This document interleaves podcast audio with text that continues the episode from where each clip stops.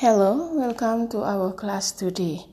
Now we will study about degree of comparison.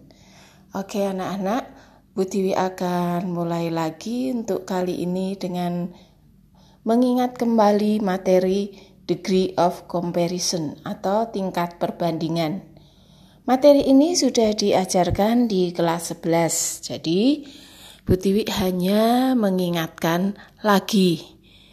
Tetapi juga nanti akan ada penambahan sedikit materi. Oke, eh, kita pernah belajar bahwa untuk degree of comparison atau tingkat perbandingan itu ada tingkat tiga tingkatan. Kalian bisa sambil menyimak materi yang sudah Bu Tiwi berikan. Pada tingkatan yang pertama itu Bu Tiwi menggambar seperti tangga, positif degree kemudian komparatif degree, dan yang tertinggi, tangga yang paling tinggi, tangga ketiga itu superlatif degree. Mengapa disebut positif? Karena sama, setara. Uh, aku koncone cah kae, aku yo koncone. Nah, itu setara. Tetapi ketika yang kedua komparatif itu sudah lebih tinggi dari yang setara. Saya lebih gemuk daripada siapa misalnya. Nah, yang terakhir superlatif, namanya saja superlatif berarti yang paling super. Kalau sudah super sudah tidak bisa dibandingkan dengan yang lain. Ya. Oke. Mari kita lihat yang pertama positif degree. Untuk menyandingkan sesuatu yang setara atau sama satu level biasanya menggunakan kata es titik-titik es. Itu kalau untuk kalimat positif. Nah, titik-titiknya adalah kata sifat.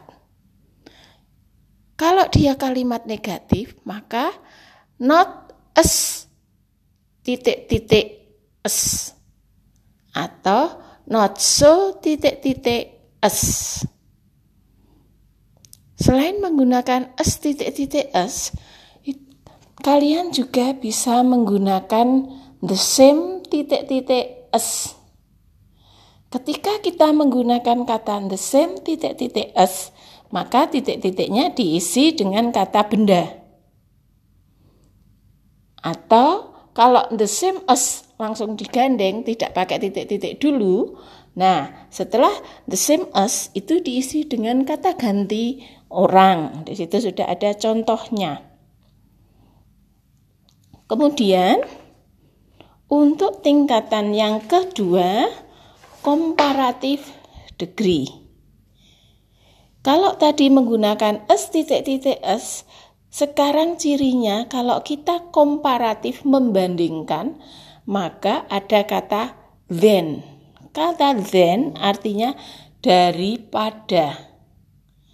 Nah, susunannya kata sifat atau adjektif ditambah er, kemudian ada kata then. Tapi ingat, kita bisa menambahkan er jika adjektif itu terdiri dari satu suku kata, misalnya old, big, hot, Nah, itu hanya satu suku kata. Jadi menjadi older, bigger, hotter begitu. Tapi kalau dua, satu uh, dua itu kita pakai masih satu sampai dua kita masih pakai itu. Misalnya pretty itu pretty. Nah, dua suku maka prettier. Kemudian selain menggunakan er akhiran er sesudah adjektif dilekati dengan er maka kita beri kata more sebelum adjektifnya. Baru kita tambahkan then. Kapan kita menambahkan more masih ingat?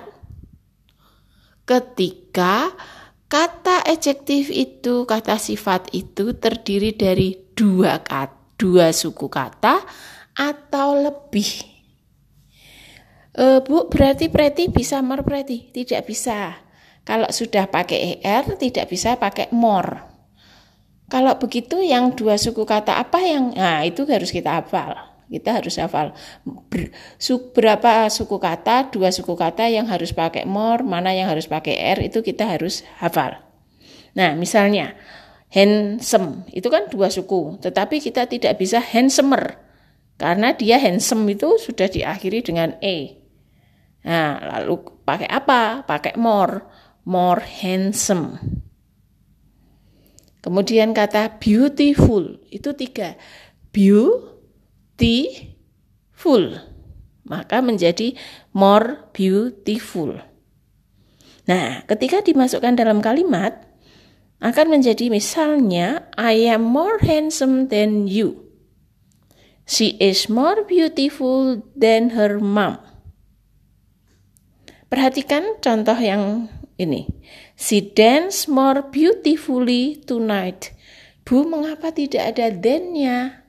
Ya, karena kita menggunakan adverb sesudah e, kata sifat itu ditambah li, maka menjadi keterangan. More beautifully tonight. Jadi bisa dengan then, bisa tanpa then, tetapi diingat susunan kalimatnya. More adjective than. More keterangan waktu bisa eh, sorry more keterangan bisa tanpa then. Kamu lihat di situ. Tentu saja ada perkecualian nak tidak semuanya kalau satu suku diberi er dua atau lebih diberi more contoh kata sifat good tidak bisa menjadi gooder dan goodes tetapi good untuk tingkat positif tingkat komparatifnya better tingkat superlatifnya best. Nah, harus hafal. Tidak dengan dihafalkan, tetapi dengan banyak mengerjakan latihan.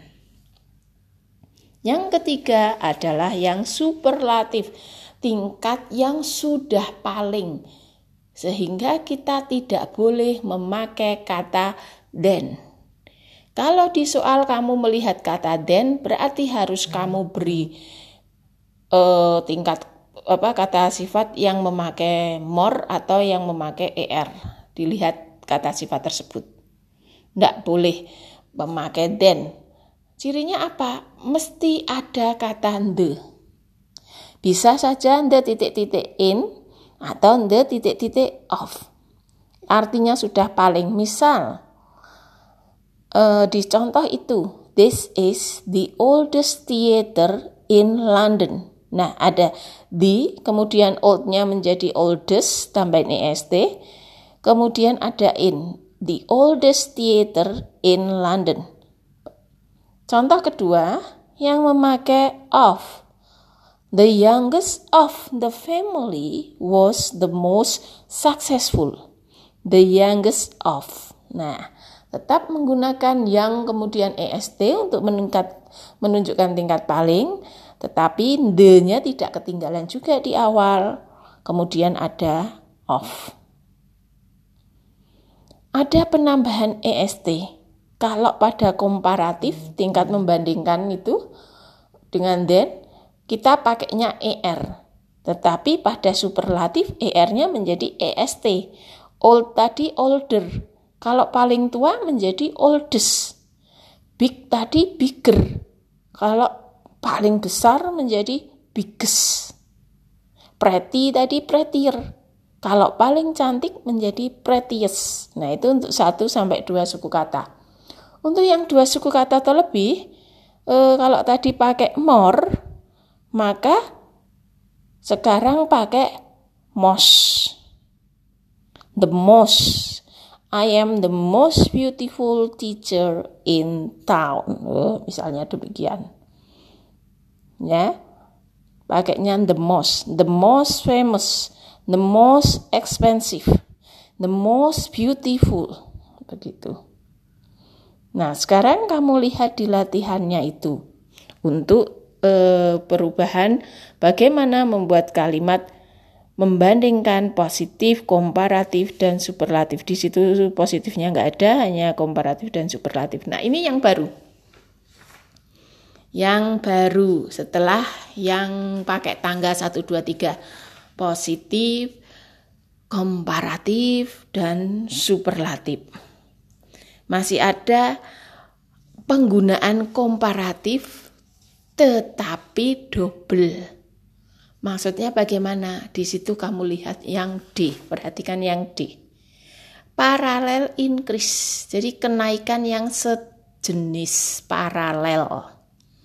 Rumusnya the plus komparatif bisa ditambah frasa atau anak kalimat, kemudian the lagi, kemudian komparatif lagi. Nah, di situ contohnya ada di dialog. House agentnya bilang, do you want a big house?